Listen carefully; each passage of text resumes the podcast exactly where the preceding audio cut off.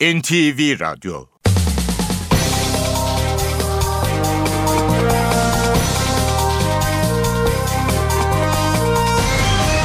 İşe Giderken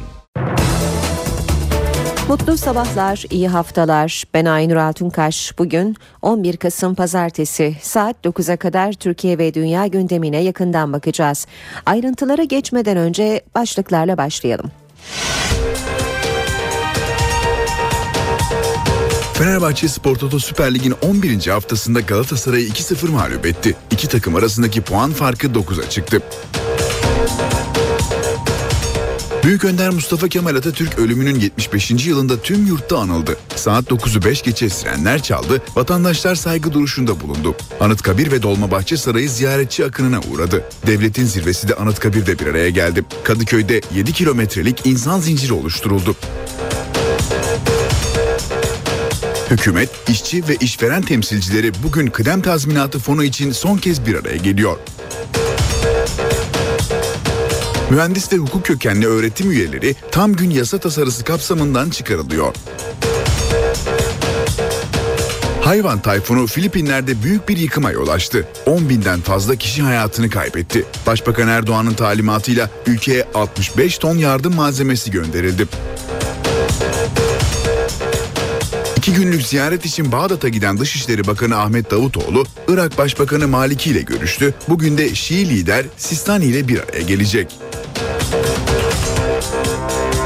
Cumartesi günü İstanbul'da tedavi gördüğü hastanede hayatını kaybeden usta gazeteci Savaş Ay'ın cenazesi bugün toprağa verilecek.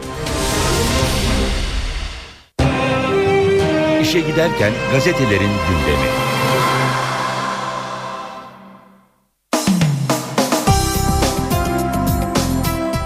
Gündemdeki gelişmeler bakalım gazetelere nasıl yansımış. 10 ee, Kasım törenleri, e, Anıtkabir fotoğrafları ve Fenerbahçe Galatasaray derbisine ilişkin haber ve fotoğrafları görüyoruz bugün.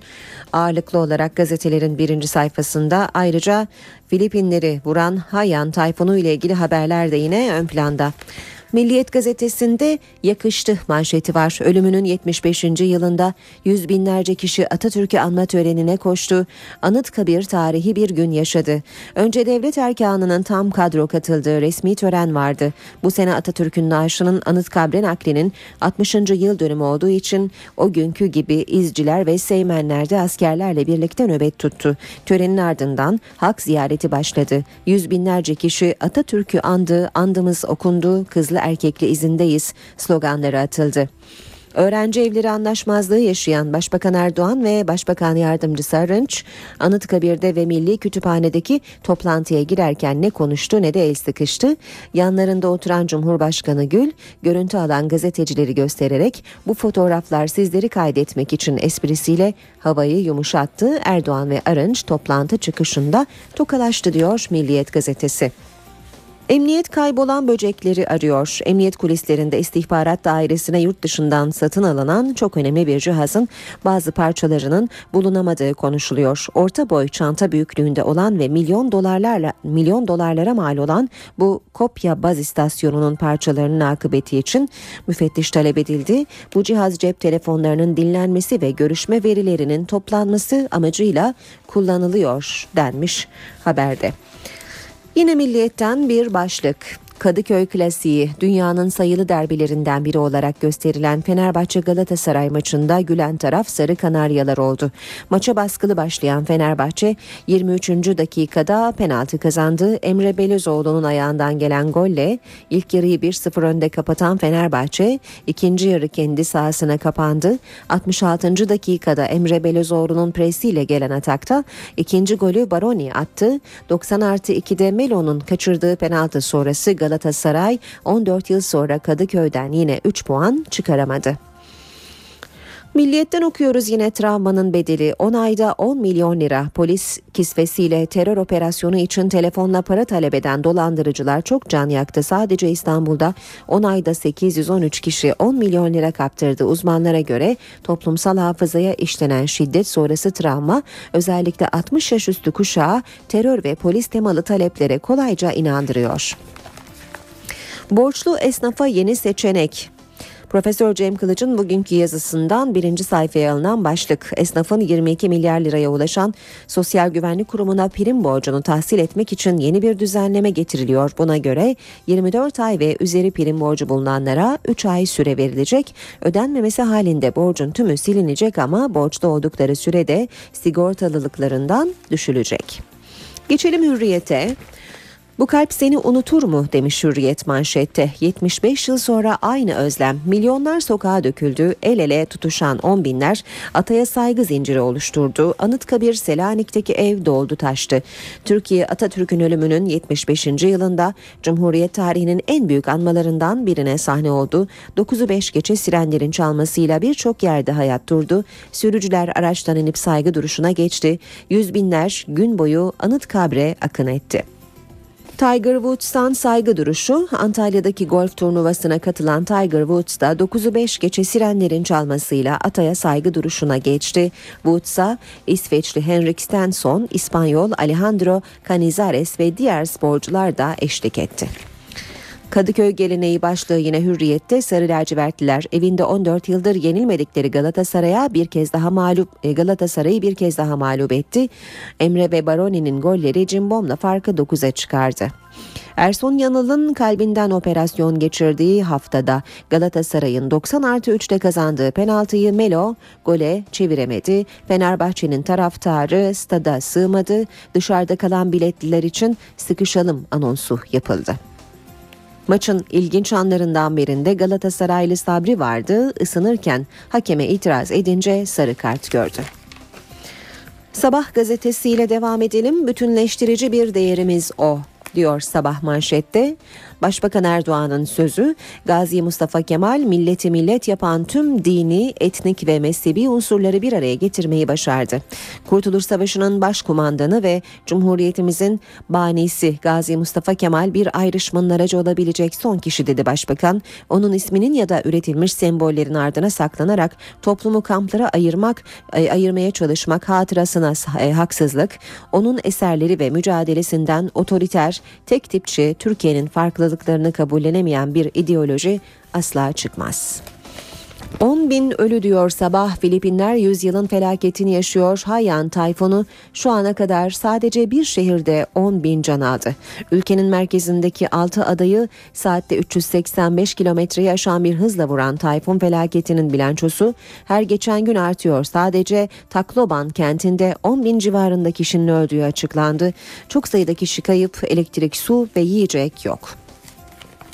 Günlük kiraya bildirim şartı. Öğrenci evlerine dönüştürülen apartlar ve günlük kiralık evler için İçişleri Genelgesi hazır. Polis bu tür evlere nüfus kanunu çerçevesinde kimlik ve ikamet denetimi yapacak. Kimlik bildirmemiş olanlar 420 lira idari para cezası ödeyecek. Maliyede buraları vergi denetimine tabi tutacak. Cumhuriyet gazetesinde 10 Kasım törenleri var manşette. Seninle çok özlemişiz başlığıyla büyükçe bir Anıtkabir fotoğrafıyla veriyor haberi Cumhuriyet gazetesi. Zaman gazetesinden aktaralım şimdi de.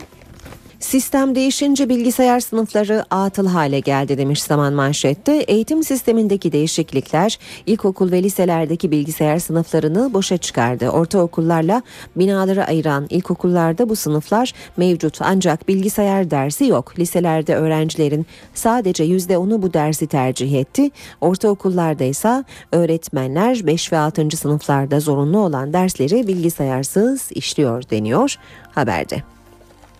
Yeni Şafak gazetesinde manşet tek karelik cevap 11 yıl önceki bu kareyi hatırlattı. Ee, söz konusu karede e, Başbakan Recep Tayyip Erdoğan, Cumhurbaşkanı Abdullah Gül ve e, Başbakan Yardımcısı Bülent Arınç var. Hem bir e, 11 yıl önceki fotoğraf hem de e, dün çekilen fotoğraf da aynı isimleri görüyoruz. Başbakan Erdoğan'la Bülent Arınç öğrenci evleri tartışmalarının ardından ilk kez bir araya geldi. Neşeli sohbet küskünlük bekleyenlere cevap oldu. Gül medyanın ilgisi üzerine Erdoğan ve Arınç'a dönerek bu fotoğraf bu fotoğraflar sizi kaydediyor diye espri yaptı.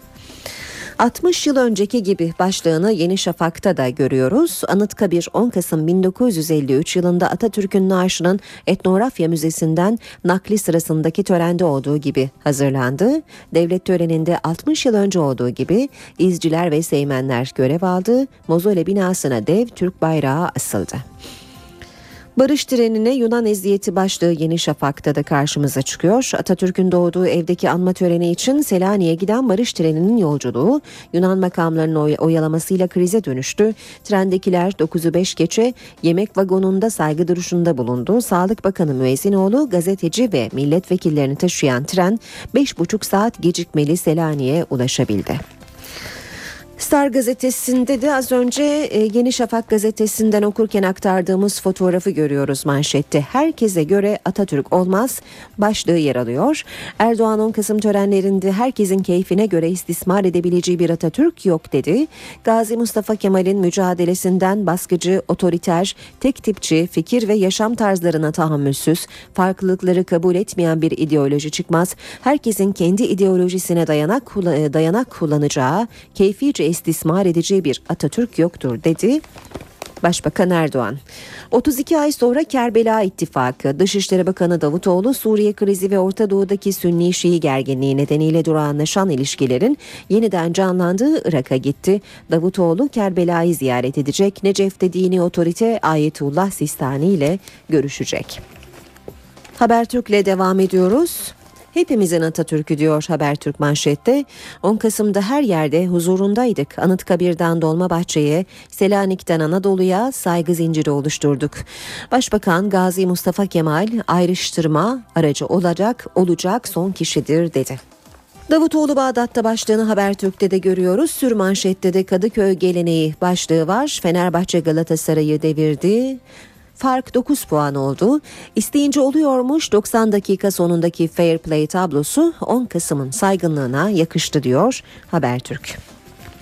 Ve Radikal gazetesine de bakalım. Mahkeme sır peşinde diyor Radikal manşetinde. O gün Samas davasında bir yıldır olmayan devlet sırrı araştırılıyor. Mahkeme Samas'ın Telekomünikasyon İletişim Başkanlığı kayıtlarını ve MİT'ten meclise giden gizli olmayan evrakı istedi. Belgeler gelince bu kez bunlar devlet sırrına girer mi diye sordu. O gün Samas dosya, e, dosyası ayrıldıktan sonra İstanbul 2. Çocuk Ağır Ceza Mahkemesi'nde yargılanmaya başladı. Müdahil avukatlar zaman kaybından şikayetçi diyor Radikal haberinde. Saat 7.18 NTV Radyo'da işe giderken de birlikteyiz. Derbi haberiyle başlayalım. Fenerbahçe Spor Toto Süper Lig'in 11. haftasında ezeli rakibi Galatasaray'ı 2-0 mağlup etti. İki takım arasındaki puan farkı 9'a çıktı. Sarı Kırmızılılar Kadıköy'de son galibiyetini 1999'da almıştı. Şükrü Saracoğlu stadında oynanan derbide Fenerbahçe'nin gollerini 24. dakikada penaltıdan Emre Belözoğlu ve 66. dakikada Baroni kaydetti. Galatasaray'da Melo maçın uzatma dakikalarında penaltı atışını gole çeviremedi. Fenerbahçe'nin dün akşamki galibiyetle Galatasaray karşısında Kadıköy'deki yenilmezlik serisi 14 yıla çıktı. Galatasaray derbisine büyük ilgi gösteren Fenerbahçe taraftarı Kadıköy'ü karnaval yerine çevirdi. Karşılaşma öncesi Mustafa Kemal Atatürk ölümünün 75. yıl dönümünde anıldı. Fenerbahçe Galatasaray derbisine sarı lacivertli taraftarlar büyük ilgi gösterdi. Şükrü Saracoğlu stadının çevresindeki hareketlilik sabahın erken saatlerinde başladı. Derbi için Kadıköy'e adeta akın eden Fenerbahçeliler maç saatine kadar vakit geçirip daha sonra tribünlerdeki yerlerini aldılar.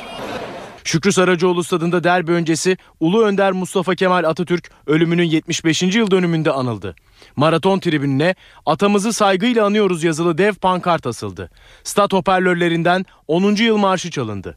Karşılaşma öncesi yapılan seremonide kale arkası tribünlerinde sarı lacivertli bayraklar, maraton üst tribünde ise dev Türk bayrağı açıldı. İşe giderken Türkiye Mustafa Kemal Atatürk'ü andı. Devletin zirvesi başkentteki iki törende bir araya geldi. Başbakan Erdoğan ve Başbakan Yardımcısı Arınç törenler boyunca yan yanaydı ama vedalaşma dışında hiç konuşmadılar. Türkiye Cumhuriyeti'nin kurucusu Mustafa Kemal Atatürk ölümünün 75. yılında törenle anıldı. Ankara'daki ilk tören Anıtkabir'deydi. Cumhurbaşkanı Abdullah Gül başkanlığındaki devlet erkanı saat 9'u 5 geçe Atatürk'ün mozelesine çelenk koydu, saygı duruşunda bulunuldu. Daha sonra Cumhurbaşkanı Gül, Misak-ı Milliye Kulesi'nde bulunan Anıtkabir özel defterini imzaladı.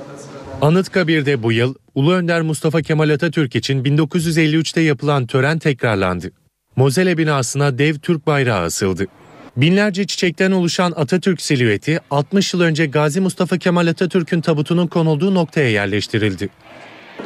Başkentte ikinci anma töreni Atatürk Kültür Dil ve Tarih Yüksek Kurumu'nda düzenlendi.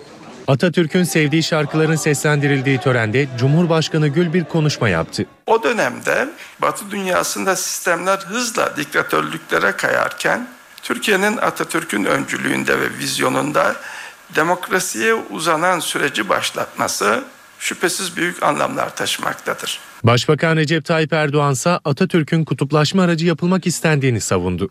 Gazi Mustafa Kemal bir ayrışmanın aracı olabilecek en son kişidir. Gazi Mustafa Kemal isminin ya da sonradan üretilmiş sembollerin arkasına saklanarak toplumu kamplara ayırmaya çalışmak Gazi Mustafa Kemal'in aziz hatırasına haksızlıktır. Öte yandan Başbakan Erdoğan'la Başbakan Yardımcısı Bülent Arınç, öğrenci evlerinin denetimiyle ilgili yaşadıkları fikir ayrılığının ardından ilk kez bir araya geldi. İkili tören sonundaki vedalaşma dışında hiç konuşmadı. Mustafa Kemal Atatürk vefatının 75. yılında dün yurdun dört bir yanında anıldı. Yüz binler Anıtkabir'e Dolmabahçe Sarayı'na akın etti. Saatler 9'u 5 geçeyi gösterdiğinde hayat durdu.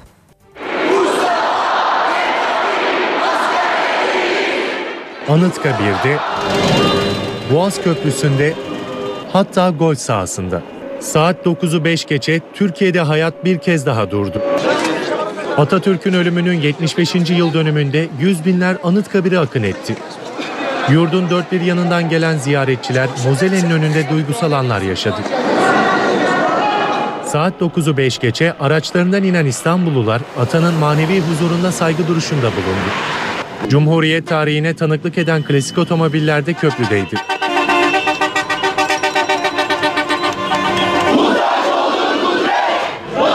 Aynı dakikalarda Atatürk'ün hayata gözlerini yumduğu Dolmabahçe Sarayı da vatandaşların akınına uğradı. Atanın odasına karanfiller bırakıldı. Bugün çok çok mutluyuz, çok gururluyuz. Bize böyle güzel bir ülkeyi emanet ettiği için atamızı yalnız bırakmadık. Fenerbahçe Maltepe sahil yolunda ise binlerce İstanbullu yaklaşık 7 kilometrelik ataya saygı zinciri oluşturdu. Kaç insan böyle bir sevgiye layık olabilir?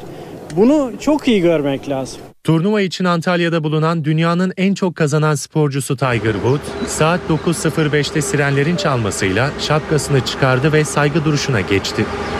Binlerce İzmirli 10 Kasım'da Kordon'da düzenlenen Ataya Saygı Yürüyüşü'nde buluştu. 6. kez düzenlenen etkinliğe katılanlar bayraklarla Cumhuriyet Meydanı'na kadar yürüdü. Atatürk'ün doğduğu evdeki tören için İstanbul'dan yola çıkan barış treni gümrük işlemleri uzayınca Selanik'e yaklaşık 5,5 saat gecikmeli ulaştı. Saat 9'u 5 geçe treni durduran yolcular Atay'ı yolda andı. Ortasında var bir çeşme. Atatürk'ün ölümünün 75. yıl dönümünde bir ilk gerçekleştirildi. Sağlık Bakanı Mehmet Müezzinoğlu kalabalık bir heyet eşliğinde trenle Selanik'e gitti. Ancak Atatürk anma ve barış treni Selanik'e vaktinde yetişemedi. Bakan Müezzinoğlu ve beraberindekiler Dede Ağaç'ta trenden indi ve karayoluyla törene yetişti. Atatürk'ün doğduğu evde yapılan törene çok sayıda öğrenci ve Türk asıllı vatandaş katıldı.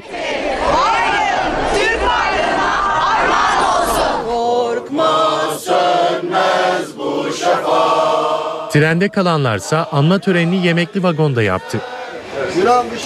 Yaşanan gecikmeden dolayı Yunanistan makamlarına tepki vardı. Yunanlılar işte sınırda 3 saat pasaportlarla ilgili sorun çıkardılar. Sınırda 3 saat bekletilir mi? Ardından tren çekmiyor, yollarda kıra var dediler. Bekleyin bir buçuk saat dedi. kafalarda bir ön yargı var. Onun izale edilmesi ve bilmem böyle bilmem daha akılcı makılcı olmak lazım. Bu tabii e, Yunanlı siyasetçiler için Türk düşmanlığı için önemli bir malzemedir. Ancak Sağlık Bakanı Mehmet Müezzinoğlu yaşanan gecikmenin teknik aksaklıklardan dolayı meydana geldiğini söyledi. Art niyet aranmamalı ama gereken araştırma yapılır dedi. Adana ve İstanbul'da 10 Kasım törenlerinde gerginlik yaşandı. Adana'da Vali Hüseyin Avni Coş aleyhine slogan atan grupla polis arasında arbede yaşandı. Vali de gruba tepki gösterdi. İstanbul Silivri'de de sirenler çalmayınca bir grup vatandaş tepki gösterdi. Adana'da 10 Kasım törenlerinde arbede yaşandı. Gerginliğin nedeni tören alanında Vali Hüseyin Avni Coş aleyhinde atılan sloganlardı. Vali Coş Atatürk Parkı'ndaki törenden ayrılırken slogan atan gruba tepki gösterdi. Valinin korumaları bir kişiyi gözaltına almak isteyince gerginlik arbedeye dönüştü. Korumaların ardından polis gruba müdahale etti. Törene katılan CHP Adana Milletvekili Ümit Özgümüş gruba müdahale eden polislerle tartıştı.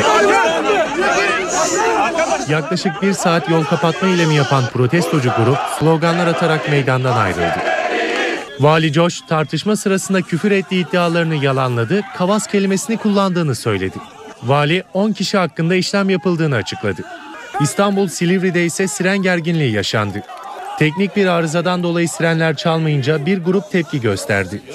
Arızanın giderilmesinin ardından sirenler çaldı ve grup saygı duruşunda bulundu. İstiklal Marşı yeniden okundu. Diyarbakır'daki törenlere Büyükşehir Belediye Başkanı Osman Baydemir katılmadı. Protokol alanına gelen AK Partili vekil Oya Eronat Baydemir'den boş kalan yerle ilgili düzenleme yaptı. Töreni Vahi Cahit Kıraç'ın yanında tamamladı. Cumhuriyet Halk Partisi İstanbul Yeni Camii'de Atatürk için mevlit okuttu. Mevlide CHP Grup Başkan Vekilleri Muharrem İnce ve Akif Hamza Çebi de katıldı. Şehitlerimizin mübarek ruhlarını işaretlik Cumhuriyet Halk Partisi Atatürk'ün ölüm yıl dönümü nedeniyle mevlit okuttu. İstanbul Yeni Camii'deki mevliti emekli müftü olan CHP İstanbul Milletvekili İhsan Özkes organize etti. Mevlite CHP Grup Başkan Vekilleri Muharrem İnce ve Akif Hamza Çebi ile CHP İstanbul İl Başkanı Oğuzkan Salıcı da katıldı. Camilerimiz açıksa, e, camilerde ezanlar okunuyorsa bunu Atatürk'e borçludur herkes. Atatürk olmasaydı, bu ülkenin kurtarıcısı olmasaydı, bugün o Atatürk'e hakaret edenlere şunu söylüyorum. Adınız sizin Ahmet Hasan Hüseyin olmazdı. Adınız sizin Dimitri olurdu, Yorgo olurdu. Bunlar, bunlar, bunları doğru bilmeleri lazım. Muharrem İnce, İstanbul Büyükşehir Belediye Başkanlığı yarışında ismi geçen Mustafa Sarıgül ve Gürsel Tekin'le ilgili soruları esprili bir dille geri çevirdi. Kulaklarımda bir sorun var, duyamıyorum. Oğuzkan Salıcı ise İstanbul için yarışacak isimlerin merkez yoklaması ya da anketlerle belirlenebileceğini söyledi. Ona ona Sayın Genel Başkanımız ve parti kurulları karar verecek. Dolayısıyla hangi arkadaşımız İstanbul'da Cumhuriyet Halk Partisi adayı olursa Cumhuriyet Halk Partisi örgütü dimdik o arkadaşımız arkasında duracak. Merkez yoklaması olabilir. Yapılan anketlerin sonuçlarına göre Sayın Genel Başkanımız karar verir. Sayın Genel Başkanımızın takdiridir. Ona Sayın Genel Başkanımız karar verecek. Gündemde öne çıkan diğer haberlere bakalım. Başbakan Yardımcısı Bekir Bozdağ, Başbakan Yardımcısı Bülent Arınç'ın Başbakan Erdoğan'a yönelik açıklamalarını değerlendirdi. Bozdağ, kriz duasına çıkanlar boşuna kendilerini yormasın dedi. Bekir Bozdağ 11 yıllık iktidarları döneminde bazı kesimlerin AK Parti içinde kriz çıkarmaya çalıştığını savundu. Bozdağ, buradan bize bir kapı açılabilir diye ümitle bekleyenler var. Boşuna kendinizi yormayın, size bir ekmek çıkmaz dedi.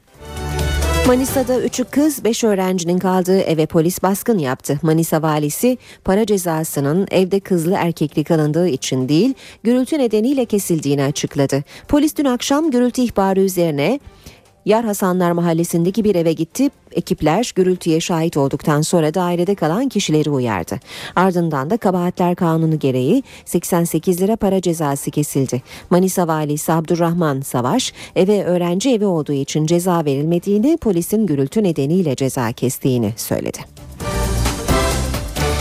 Adana'da narkotik polisinin operasyonunda ele geçirilen havan topu mermisi kovanlarının incelemesi tamamlandı. Herhangi bir patlayıcı maddeye rastlanmadı. Soruşturmada 3 kişi tutuklandı.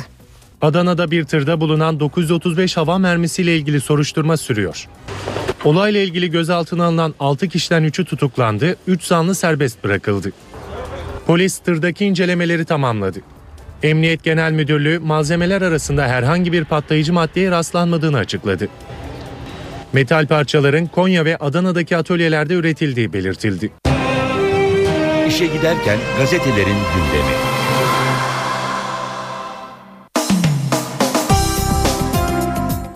Bugün gazetelerin manşetlerinde ve sürmanşetlerinde yoğunluklu olarak 10 Kasım törenlerini görüyoruz. Haber ve başlıklar ve fotoğraflar e, gözümüze çarpıyor. Ve tabii derbi haberleri de yine birinci sayfalarda. Şimdi gazetelerin spor sayfalarından e, haberler aktarmaya başlayalım. Hürriyet gazetesiyle başlayalım. Asır değişti sonuç değişmedi diyor Hürriyet. Kadıköy'de en son geçen e, yüzyıl 1999'da galip gelen Galatasaray'a Fenerbahçe yine şans tanımadı. Ezeli rakibine penaltıdan Emre ve Christian'ın golleriyle diz çöktüren Sarı Lacivertler 14 yıllık geleneği bozmadı. Melo penaltı kaçırdı. Zirvede fark Kasımpaşa ile 4, Cimbom'la 9 oldu. Ezeli rekabet biter, ebedi dostluk kazanır. 90 dakika sonunda futbolcular birbirlerini kutladı. Tertemiz bir derbi geride kaldı diyor Hürriyet gazetesi. Yine hürriyetten aktarmaya devam edelim. Benim takımım şampiyon gibi oynadı. Teknik direktör Ersun Yanal derbinin ardından sahadan zaferle ayrılan ekibine övgü yağdırdı. Fenerbahçe'nin hocası futbolcularım sergiledikleri mücadeleyle kazanma arzularını ortaya koydu. Yürekleriyle zirveyi istediklerini hepimize gösterdiler dedi. Kur'an çarpsın penaltı dakika 4 maç sonu utanıyorum. Bu sözler Gökhan Gönül'e ait.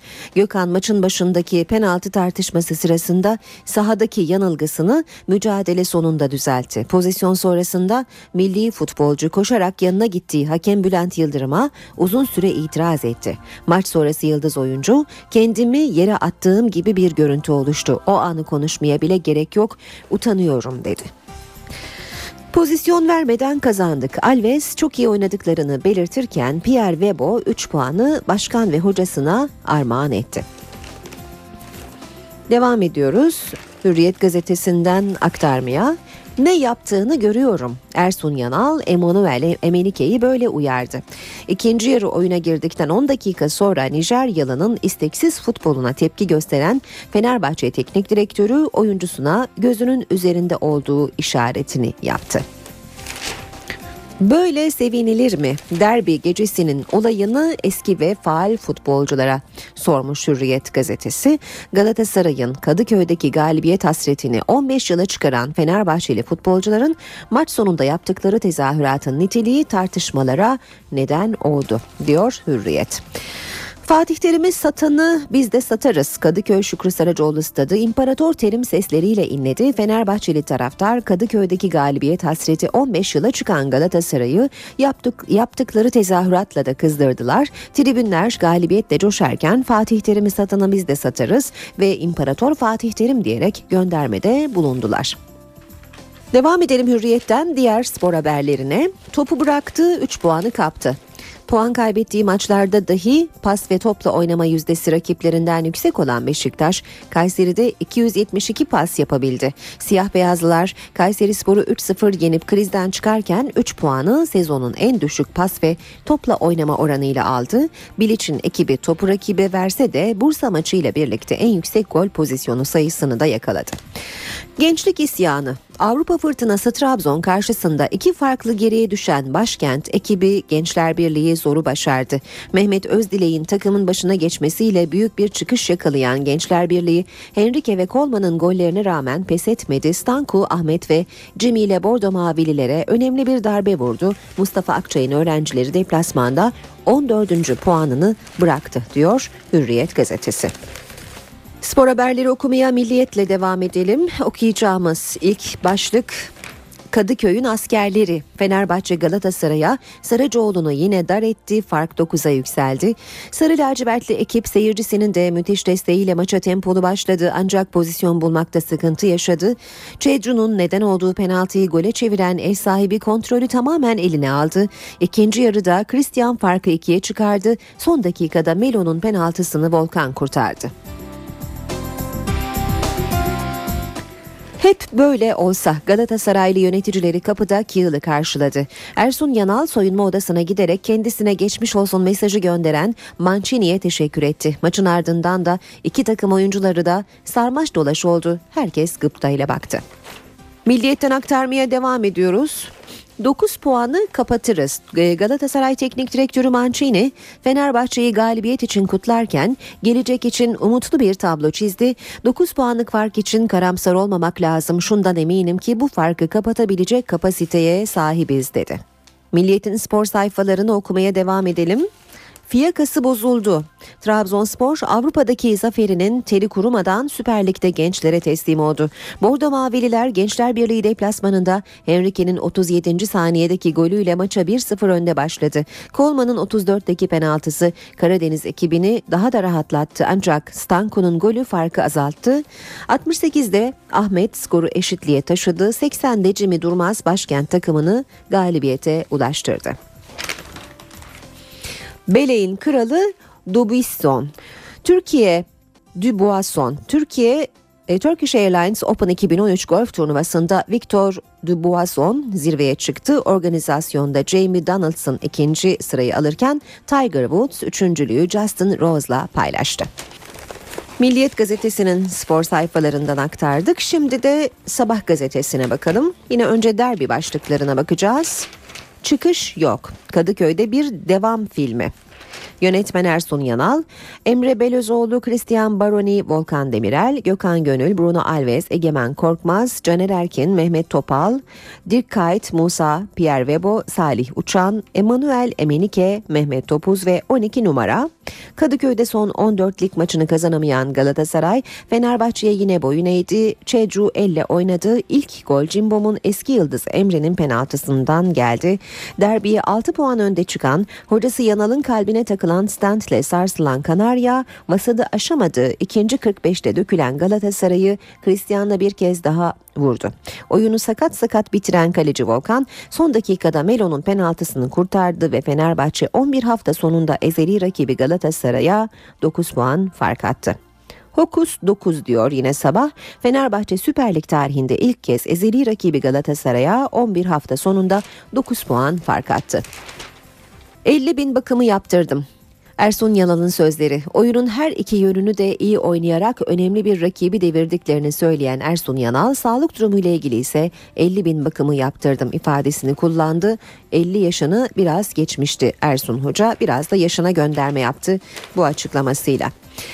Devleri solladı. Derbideki performansıyla sarı kırmızılıları çıldırtan Galatasaray'ın golcüsü Burak Yılmaz bu sezon 23 kez offside'a düşerek Avrupa'nın 5 büyük ligi içinde maç başı offside ortalaması en yüksek oyuncusu oldu. Zor ama farkı kapatabiliriz. Galatasaray taraftarından özür dileyen Mancini faturayı savunmaya kesti. İtalyan hoca 9 puanlık fark içinde pek umutlu konuşmadı diyor Sabah gazetesinde haber. Son başlığı aktaralım. Kadıköy'de bayrak krizi. Sarı kırmızı renklere büyük öfke. Fanatikler geçen sezon olduğu gibi yine stada Galatasaray bayrağının asılmasına karşı çıktı. Kurallar gereği asılması gereken iki kulübün bayrağından misafir takıma ait bayrak dün güçlükle asılabildi. Görevliler taraftarı güç bela ikna ederek bayrağı göndere çekebildi. Bitiriyoruz böylece spor haberlerini. Gündemdeki gelişmelere yakından bakmaya devam edelim. İşe giderken.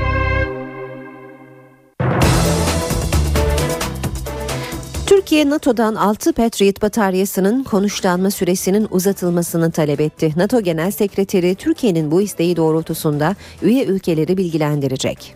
Türkiye'deki patriotların görev süresinin uzaması gündemdi. Ankara NATO'dan patriot bataryalarının konuşlanma süresinin uzatılmasını istedi. Türk Dışişleri Bakanlığı tarafından NATO Genel Sekreterliğine gönderilen mektupta yaklaşık bir yıldan bu yana Suriye'deki gelişmelerin olumsuz bir şekilde seyir ettiğine işaret edildi. Türkiye'ye konuşlandırılmış olan Patriot bataryalarına halen ihtiyaç duyulduğu belirtildi ve bu bataryaların görev süresinin uzatılması resmen talep edildi. Ankara'nın isteği üzerine konuyu değerlendirecek olan NATO Genel Sekreteri, Türkiye'ye Patriot füzesi gönderen Amerika Birleşik Devletleri, Almanya ve Hollanda'yı bilgilendirecek. NATO Genel Sekreteri Türkiye'nin uzatma isteğini ittifak üyesi ülkelere de iletecek. Konunun çarşamba günü yapılacak Kuzey Atlantik Konseyi'nin haftalık olan toplantısında ele alınması bekleniyor. Türkiye'nin talebinin 2 Aralık tarihinde düzenlenecek olan NATO Dışişleri Bakanları toplantısında teyit edilmesi öngörülüyor. NATO'nun gönderdiği Patriot bataryaları Adana, Kahramanmaraş ve Gaziantep'te konuşlandırılmış durumda. Türkiye-Irak ilişkilerinde yeni bir döneme giriliyor. İki günlük ziyaret için Bağdat'a giden Dışişleri Bakanı Ahmet Davutoğlu, Irak Başbakanı Maliki ile görüştü. Maliki, Türkiye ile güçlü ilişkiler kurmak istediklerini söyledi. Son dönemde ilişkilerimizdeki durağanlığı aşma konusunda özellikle değerli kardeşim Hoşer Zabari'nin gösterdiği katkı dolayısıyla kendilerine teşekkür ediyorum. Birlikte ele aldığımız e, takvimlendirilmiş eylem planı başarıyla iler, ilerliyor. Sizlerden gizleyemeyiz. İki ülkenin arasında iki buçuk yıldır bir soğukluk vardı. Yeni bir sayfa açmış bulunuyoruz. Ayrıcalıklı ilişkiler kuruyoruz.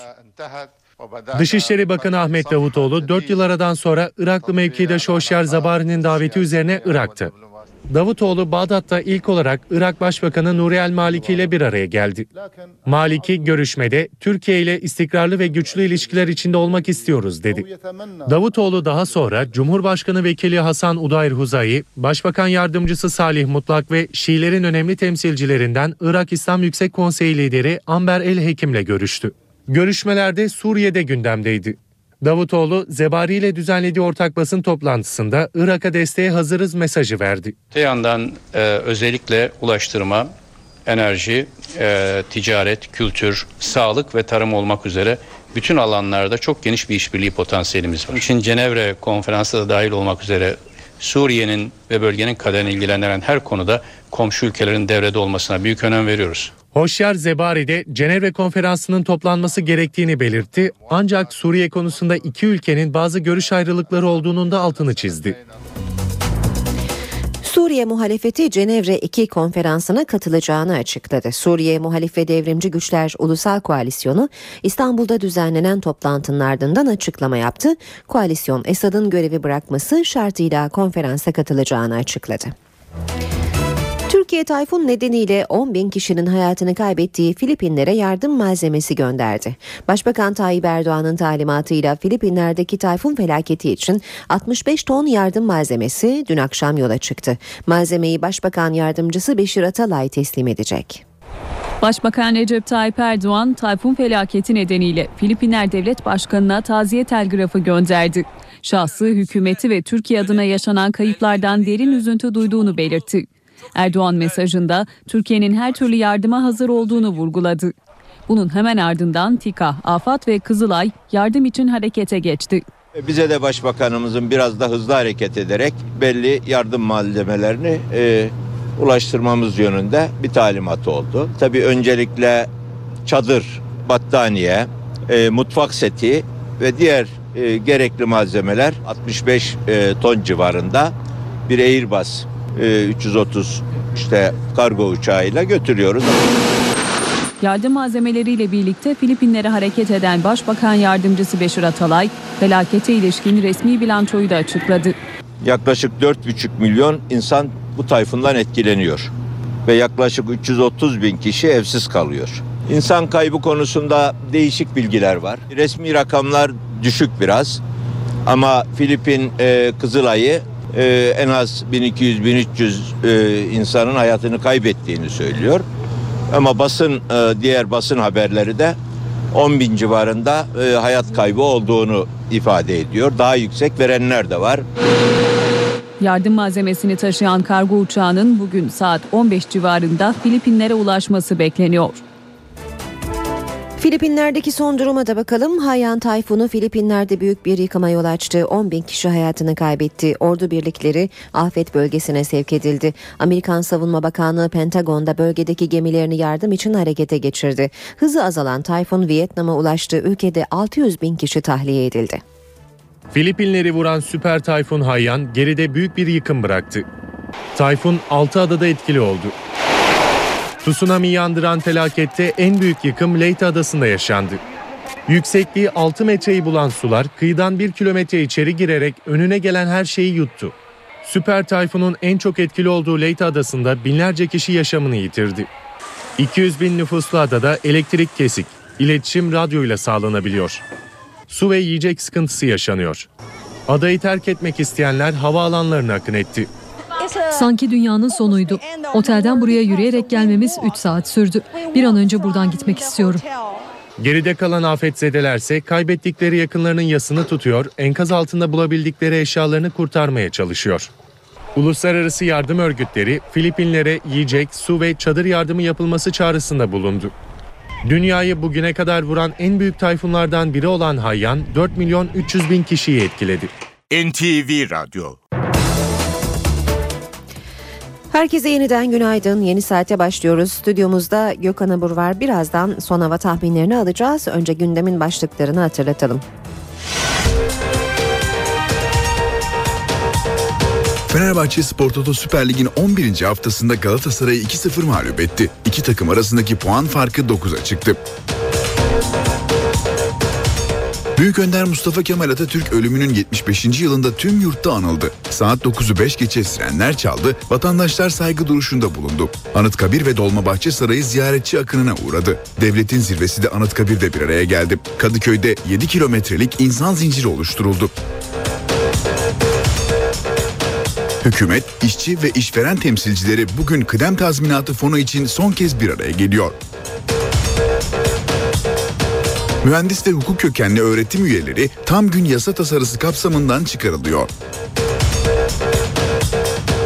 Hayvan tayfunu Filipinler'de büyük bir yıkıma yol açtı. 10 binden fazla kişi hayatını kaybetti. Başbakan Erdoğan'ın talimatıyla ülkeye 65 ton yardım malzemesi gönderildi. İki günlük ziyaret için Bağdat'a giden Dışişleri Bakanı Ahmet Davutoğlu, Irak Başbakanı Maliki ile görüştü. Bugün de Şii lider Sistani ile bir araya gelecek. Cumartesi günü İstanbul'da tedavi gördüğü hastanede hayatını kaybeden usta gazeteci Savaş Ay'ın cenazesi bugün toprağa verilecek. Türkiye yeni haftaya Lodos'la başlıyor. Bakalım Lodos ne kadar etkili olacak ve havalar soğuyacak mı önümüzdeki günlerde? Gökhan Abur ne dersiniz? Evet e, öncelikle Lodos'la başladık. Tabii Lodos sıcaklıkları yükseltmeye devam ediyor e, ve zaman zaman da bulutlanmayı arttıracak. Şu an itibariyle İstanbul'da da Lodos'tan dolayı bulutlanma arttı. Sabah erken saatlerde hava açıktı. Tabii iç kesimlerde yine sabah erken saatlerde Ankara'da, Kütahya'da, Balıkesir'de, Karabük, e, Bolu arasındaki bölgede sis ve pus vardı. Şu anda devam ediyor onlar. Ee, bugün de Lodos var. Lodos'tan dolayı sıcaklıklar batıda özellikle Marmara bölgesinde 20-22 derece arasında değişirken İç kesimlerde de gündüz sıcaklıkları yüksek ama geceler oldukça soğuk geçiyor ki sabah erken saatlerde Ankara Eğitim Mesut'ta eksi 6 derece merkezde ise yer yer eksi 1 dereceydi. Bugün Ankara 14 dereceye kadar çıkacak. Gece sıcaklığı yine 0 hatta yer yer 0 derecenin altında olacak. İstanbul şu an itibariyle 14 derece. Bugün 22 dereceye çıkmasını bekliyoruz. Parçalı bulutlu bir hava olacak. İlerleyen saatlerde özellikle akşam saatlerinde bulutlanma artacak. İstanbul'da yarınlar Lodos var ama çarşambadan itibaren Poyraz'a dönecek rüzgar etkisini giderek arttıracak ve Poyraz Poyraz biraz da olsa yağış getirecek. Poyraz çok kuvvetli yağış getiren bir rüzgar değil ama havayı soğutacak. Özellikle çarşamba günü başlayacak serinleme. Perşembeden itibaren hem yağışla birlikte hem de rüzgarın kuvvetlenmesiyle Trakya'dan başlayarak Marmara bölgesi soğuyacak ve bu soğuk hava iç kesimleri ve Batı Karadeniz bölgesinde etkisi altına alarak iç kesimlere doğru ilerlemesini sürdürecek. Evet e, değişik bir haftaya başladık. E, Lodos'la başladığımız haftayı Poyraz'la bitireceğiz. Ama dediğim gibi Poyraz havayı biraz serinletecek. Marmara'da yağış bırakacak. Bugün yağış var mı derseniz Güney Ege'de çok hafif yağış geçişleri görülebilir. Lodos'tan dolayı artacak bulutlanma yağış bırakabilir. Hafta sonu doğuda kuvvetli yağışlar vardı. Bugün ise e, Marakkari arasında hafif olarak yağışın devam etmesini bekliyoruz. Yine Adıyaman civarında hafif bir yağış olasılığı var Diyarbakır Adıyaman arasındaki bölgede. Bunun dışında önemli bir yağış beklemiyoruz ama yarın Doğu, doğudaki yağışlar yine aralıklarla etkisini sürdürecek ve Doğu Karadeniz'e de kısa süreli de olsa yağış geçişleri görülebilecek. Bizleri bekleyen koşullar bugün ve bu hafta için böyle çok değişken ama koşulları var dikkatli olun. Bugün ılık ama çarşambadan sonra soğuk bir hava var. Teşekkürler Gökhan Avuş. İşe giderken gazetelerin gündemi.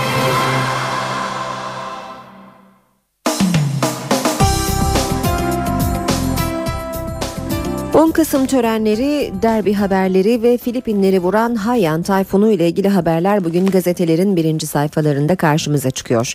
Hürriyette manşet bu kalp seni unutur mu? 75 yıl sonra aynı özlem. Milyonlar sokağa döküldü, el ele tutuşan on binler ataya saygı zinciri oluşturdu.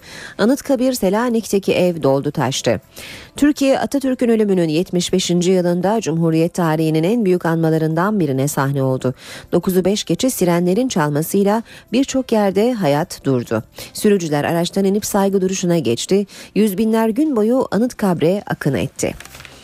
Tiger Woods'tan saygı duruşu. Antalya'daki golf turnuvasına katılan Tiger Woods da 9'u 5 geçe sirenlerin çalmasıyla ataya saygı duruşuna geçti. Woods'a İsveçli Henrik Stenson, İspanyol Alejandro Canizares ve diğer sporcular da eşlik etti. Derbi haberi Kadıköy geleneği başlığıyla yer bulmuş hürriyette Sarı lacivertliler evinde 14 yıldır yenilmedikleri Galatasaray'ı bir kez daha mağlup etti. Emre ve Baroni'nin golleri cimbomla farkı 9'a çıkardı. Ersun Yanal'ın kalbinden operasyon geçirdiği haftada Galatasaray'ın 90 artı 3'te kazandığı penaltıyı Melo gole çeviremedi. Fenerbahçe'nin taraftarı stada sığmadı. Dışarıda kalan biletliler için sıkışalım anonsu yapıldı. Milliyette manşet yakıştı. Ölümünün 75. yılında yüz binlerce kişi Atatürk'ü anma törenine koştu. Anıtkabir tarihi bir gün yaşadı.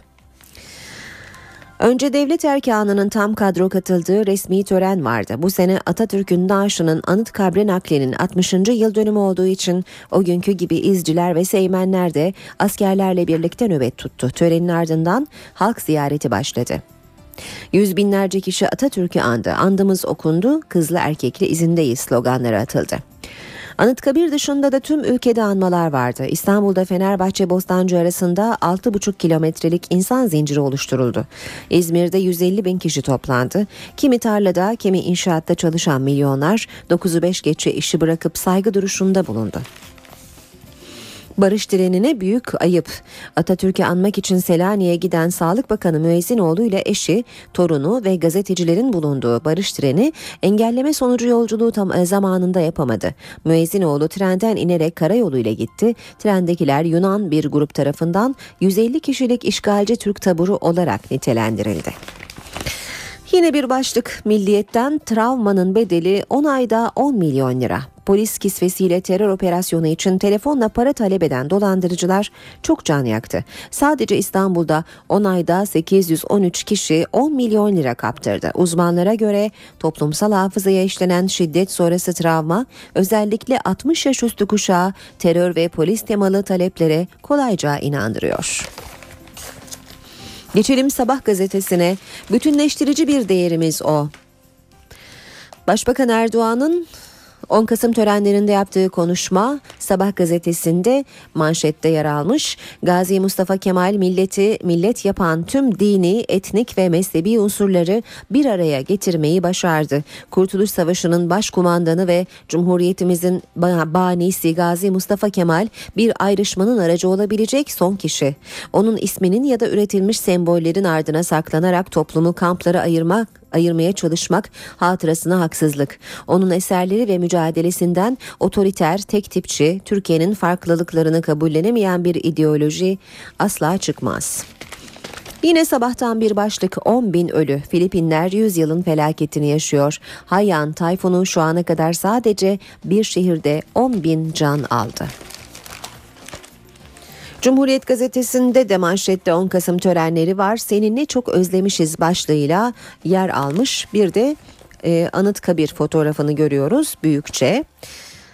Devam edelim e, gazetelerin birinci sayfalarına bakmaya. Habertürk'te Hepimizin Atatürk'ü başlığı manşette 10 Kasım'da her yerde huzurundaydık. Anıtkabir'den Dolmabahçe'ye, Selanik'ten Anadolu'ya saygı zinciri oluşturduk diyor Habertürk. Başbakanın Gazi Mustafa Kemal ayrıştırma aracı olacak son kişidir sözleri de yine başlıkta.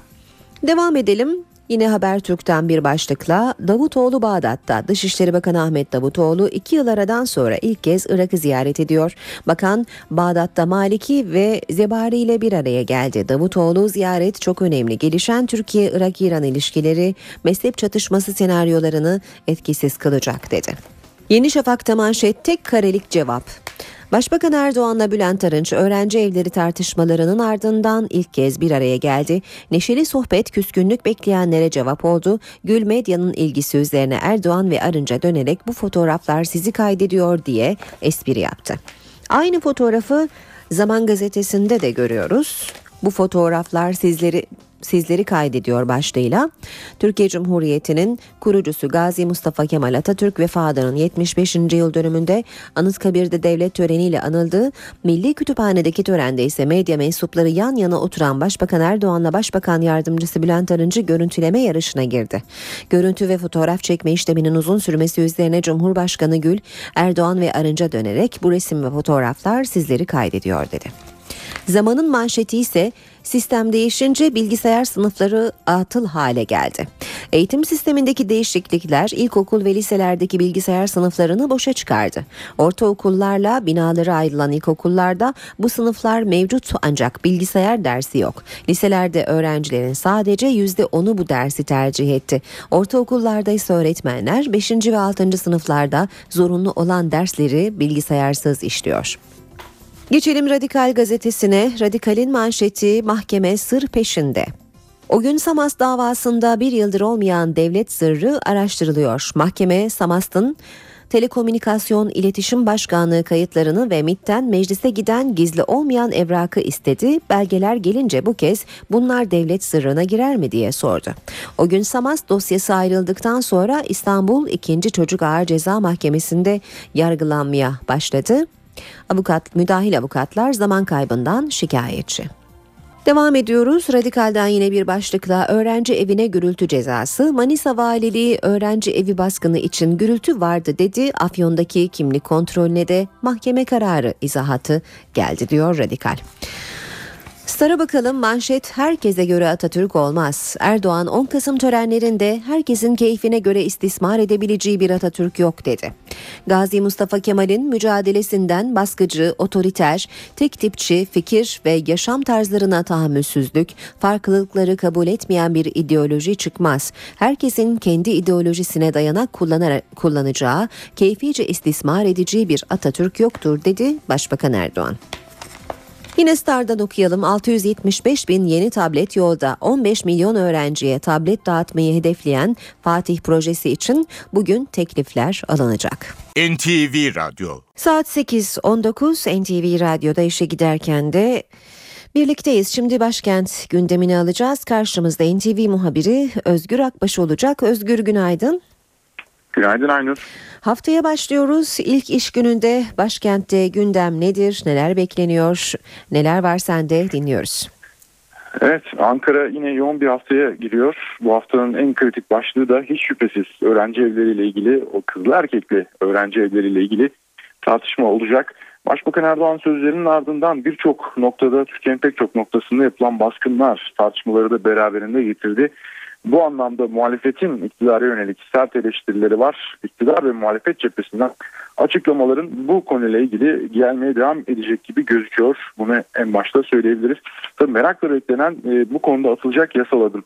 Başbakan Erdoğan gerekirse yasal adım atarız ifadesini kullanmıştı. Bu adım nasıl olacak? Hükümet nasıl bir kar, e, karar alacak bu konuyla ilgili? Kızlı erkekli evlerle ilgili olarak işte bu başkent Ankara'da merakla bekleniyor. Merakla beklenen bir başka konu daha var. Çünkü e, bu anlamda gözler iktidarda olduğunda söyleyelim. Öğrenci evleri açıklamasıyla ilgili Başbakan Bülent Arınç'ın e, Başbakan Erdoğan'a yönelik sistemi bu tartışma ilk olarak Kızılcahamam kampında aslında ortaya çıkmıştı. Başbakan Erdoğan e, Kızılcahamam kampında kızı erkekli evlere karşı olduklarını ifade etmişti. Ve bu e, sözleri aslında basına kapalı toplantıda gerçekleşmişti bu ama e, bu sözleri bir medya kuruluşunda haber olarak verilmişti. Bu haberin ortaya çıkmasının ardından Bakanlar Kurulu'nun ardından e, Başbakan Yardımcısı ve Hükümet Sözcüsü e, Bülent Arınç bu haber e, asparagastır ifadesini kullanmıştı. Ancak bir gün sonra Başbakan Erdoğan grup toplantısında o sözlerinin arkasında olduğunu söyledi ve o sözleri doğruladı. İşte Başbakan Erdoğan'ın o sözleri doğrulamasının ardından Başbakan Yardımcısı Bülent Arınç oldukça sıkıntılı bir süreç yaşadı ve katıldığı bir e, televizyon kanalındaki bir programda oldukça sistemkar bir konuşma yaptı. Kum torbası değilim, özgür bir ağırlığım var dedi. Başbakan Erdoğan'a yönelik olarak Dün ilk kez iki isim bir araya geldiler ancak e, o iki ismin bir araya geldiği toplantıda da oldukça gerilimin olduğu aslında çok açık ve net gözüküyordu. İki ismin de hiç konuşmadı. Hatta Cumhurbaşkanı Abdullah Gül iki ismin yüzünü güldürmek için bir manevra yaptı ama e, yine de yüz, yüzler asık kaldı.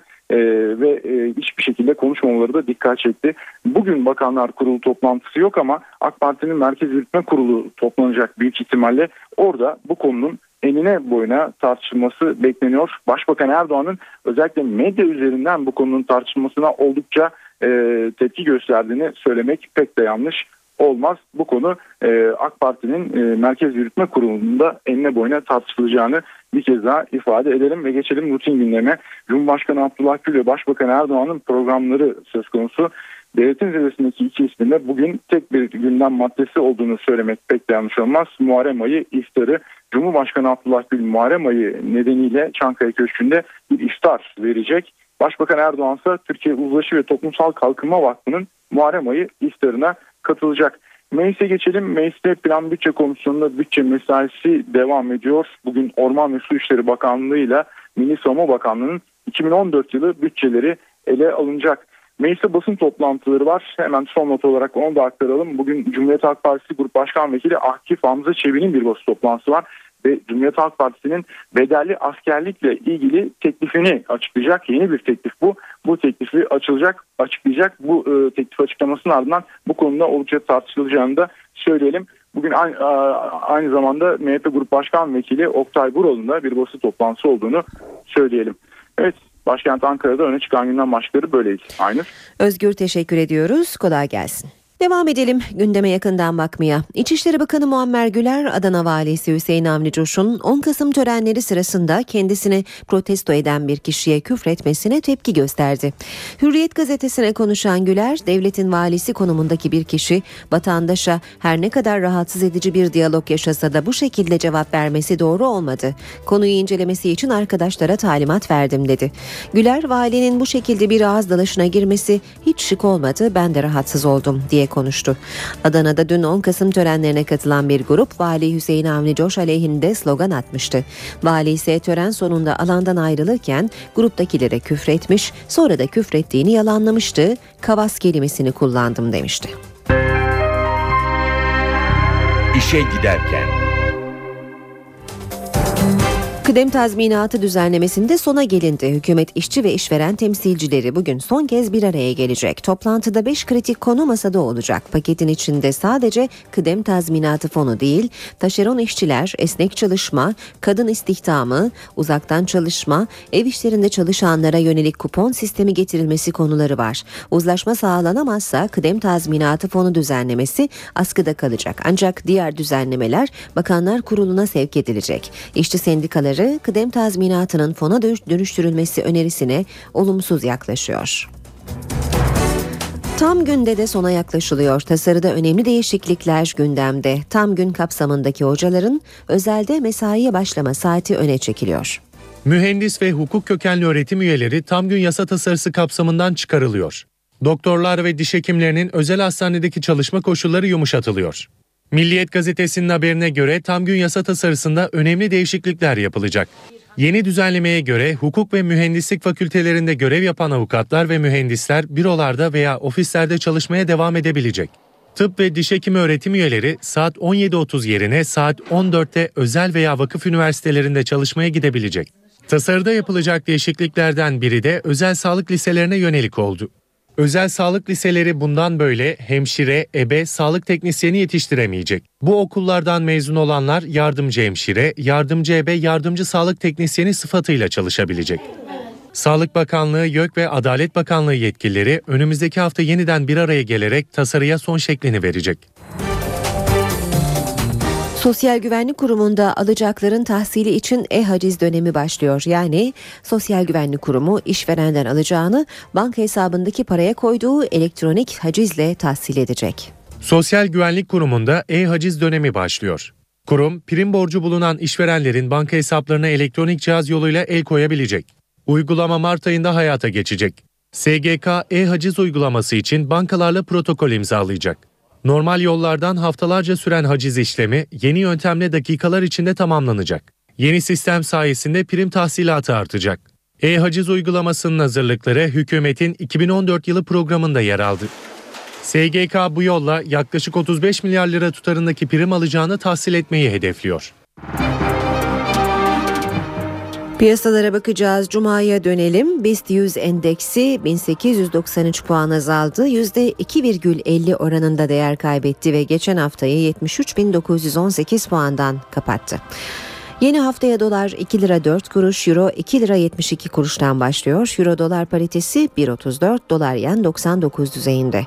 Altının onsu 1284 dolar, kapalı çarşıda külçe altının gramı 85, çeyrek altın 138 liradan işlem görüyor. Brent petrolün varili 105 dolar.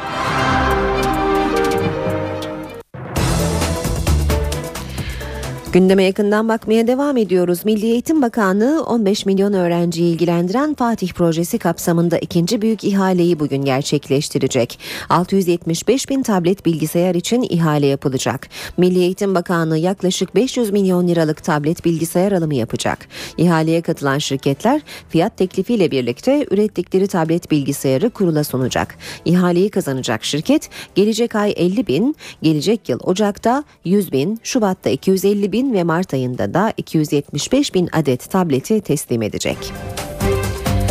Şanlıurfa'da sağanak etkili oldu. Kent genelinde iki gündür aralıklarla yağan yağmur akşam saatlerinde Viranşehir ilçesinde etkisini artırdı. Bazı ev ve iş yerlerini su bastı. Marmaray'ın trafiği rahatlatmasının yanında İstanbul'un hava kirliliğini de azaltması bekleniyor. İstanbul'un iki yakasını denizin altından birbirine bağlayan Marmaray'la günde yaklaşık 1 milyon kişi yolculuk yapacak. Böylece taşıt kullanımında önemli ölçüde düşüş sağlanacak. Çevre Bakanlığı'na göre bu yıllık sera gazı üretiminin 130 bin tondan fazla azalması demek. Bitlis'te halkın yıllardır tedavi amaçlı kullandığı sıcak su kaynakları artık evleri ısıtacak. Yapılması planlanan jeotermal enerji tesisi için çalışmalar hızlandırıldı. Hava 15 derece, gölde kaynayan suyun sıcaklığı ise yaz kış 100 derece. Bitlislilere göre Nemrut Gölü çevresindeki bu kaynaklar şifalı.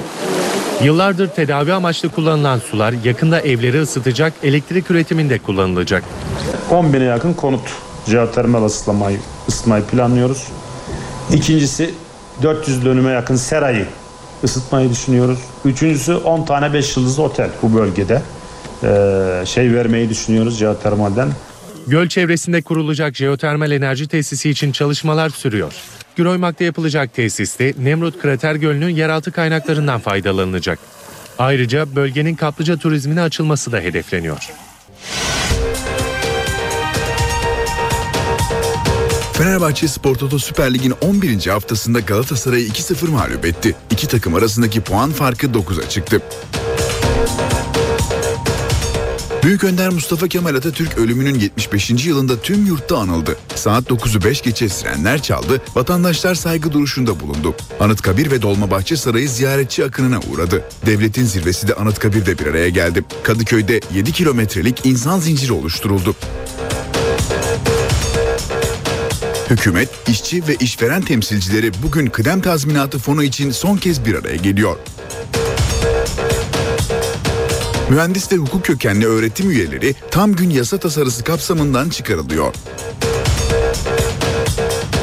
Hayvan tayfunu Filipinler'de büyük bir yıkıma yol açtı. 10 binden fazla kişi hayatını kaybetti. Başbakan Erdoğan'ın talimatıyla ülkeye 65 ton yardım malzemesi gönderildi. İki günlük ziyaret için Bağdat'a giden Dışişleri Bakanı Ahmet Davutoğlu, Irak Başbakanı Maliki ile görüştü. Bugün de Şii lider Sistani ile bir araya gelecek. Cumartesi günü İstanbul'da tedavi gördüğü hastanede hayatını kaybeden usta gazeteci Savaş Ay'ın cenazesi bugün toprağa verilecek.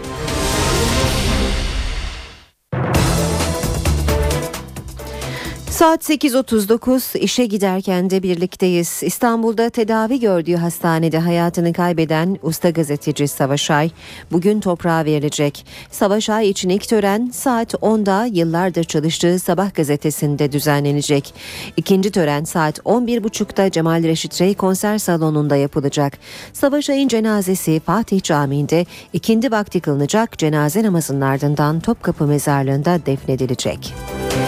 Gazetecilik mesleğine foto muhabirliğiyle başlayan Savaş Ay 90'lı yıllarda A Takımı adlı haber programıyla milyonlarca izleyiciye ulaştı. Savaş Ay'ın 59 yıllık yaşamının kısa bir öyküsünü dinleyelim şimdi. Esnafın ve alıcının nabzını tutacağız. Oraya doğru gidiyorum. 40 yıl boyunca haberin peşinden koştu. Programlarıyla milyonları ekrana kitledi. Kansere yakalandığında da şaşırttı. Son nefesine kadar da en iyi bildiği işi yaptı. Usta gazeteci 59 yaşında yaşamını yitirdi. Savaş Ay İstanbul'da Üsküdar Selamsız'da doğdu. Ünlü ses sanatçısı Şükran Ay ve gösteri dünyasından Turan Ay çiftinin çocuğuydu. Daha kundaktayken başladı ailesiyle şehir şehir dolaşmaya. Sahne arkasında kulislerde büyüdü, sahne tozu yuttu.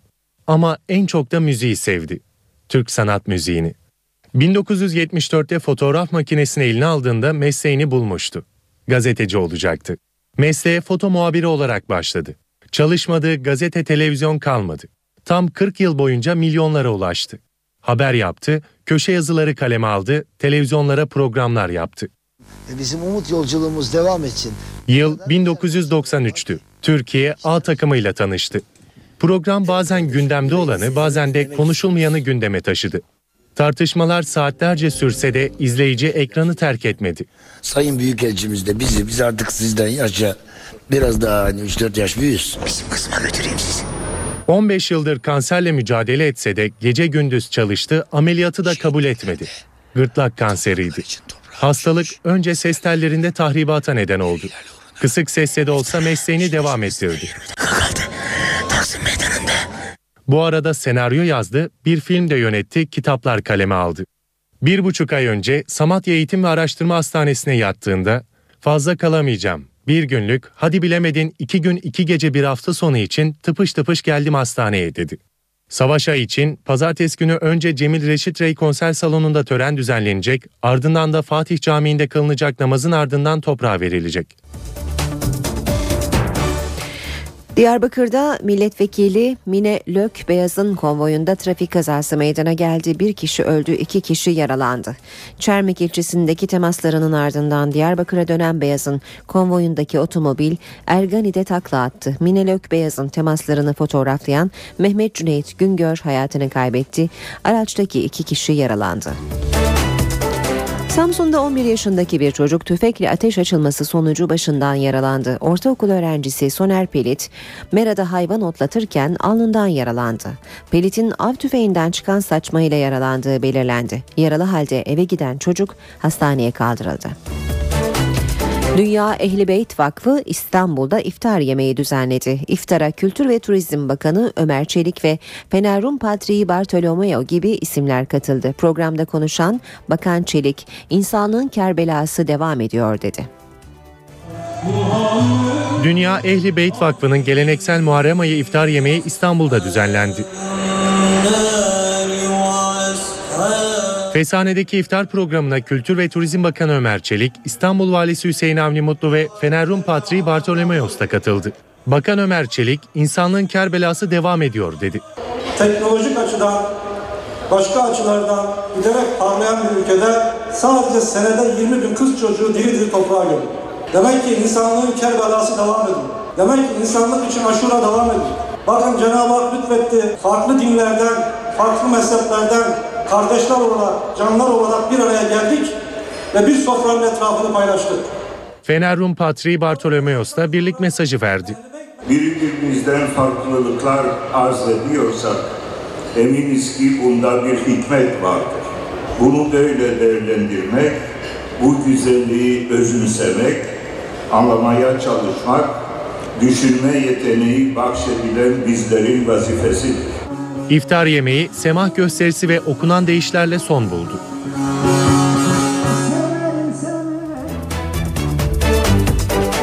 ...32. Uluslararası İstanbul Kitap Fuarı dün akşam sona erdi. İki hafta süren fuara ilgi yoğundu. Fuarın son günü eski Genelkurmay Başkanı İlker Başbuğ için imza günü düzenlendi. Başbuğ'un kitabını eşi ve kızı imzaladı. Kitap fuarının son gününde Ergenekon davasında müebbet hapis cezası alan eski Genelkurmay Başkanı İlker Başbuğ için imza günü düzenlendi. Başbuğ'un kitaplarını kızı Feride Başbuğ ve eşi Sevil Başbuğ imzaladı. İlk bölümünü evde yazmıştı başlangıcını. Diyordu ki çocuklarıma bırakacağım en güzel mirasım bu. İsterdim o kendi imzalasın. Ama böyle özel bir günde canımız Atatürk'ümüzün ait kitap imzalamak çok güzel bir duygu. Duyuyoruz ama üzüntülüyüz de keşke burada olsaydı kendisi imzalasaydı. Eminim çok mutlu olurdu o da. Fuarın son günü okuyucularıyla buluşanlar arasında Hıfzı Topuz da vardı. Beni unutmayanlar geliyorlar karşıma. Ee, Böyle imza günlerinde 100-150 kişiyle karşılaşıyorum. Hepsinden tatlı şeyler duyuyorum ve moral buluyorum. Onlar bana her zaman ışık tutuyorlar. Onların önerileri doğrultusunda yazmaya devam ediyorum. Kitap fuarına son günde de ilgi yoğundu. Kızım için daha çok geldik. Ee, Daha çok yardımcı kitaplar için 5. sınıfta okuyor kendisi. Onun için geldik. Ee, Gelmemiz bayağı bir zor oldu. Her ne kadar Beylikdüzü'nde oturmamıza rağmen bir saat kadar bir trafiği aşarak geldik. Giriş gerçekten çok zor. 9 gün süren fuarda çocuk kitaplarından klasiklere, romanlardan hikayelere binlerce kitap okuyucuyla buluştu. Bu haberle işe giderken sona eriyor. Hoşçakalın. NTV Radyo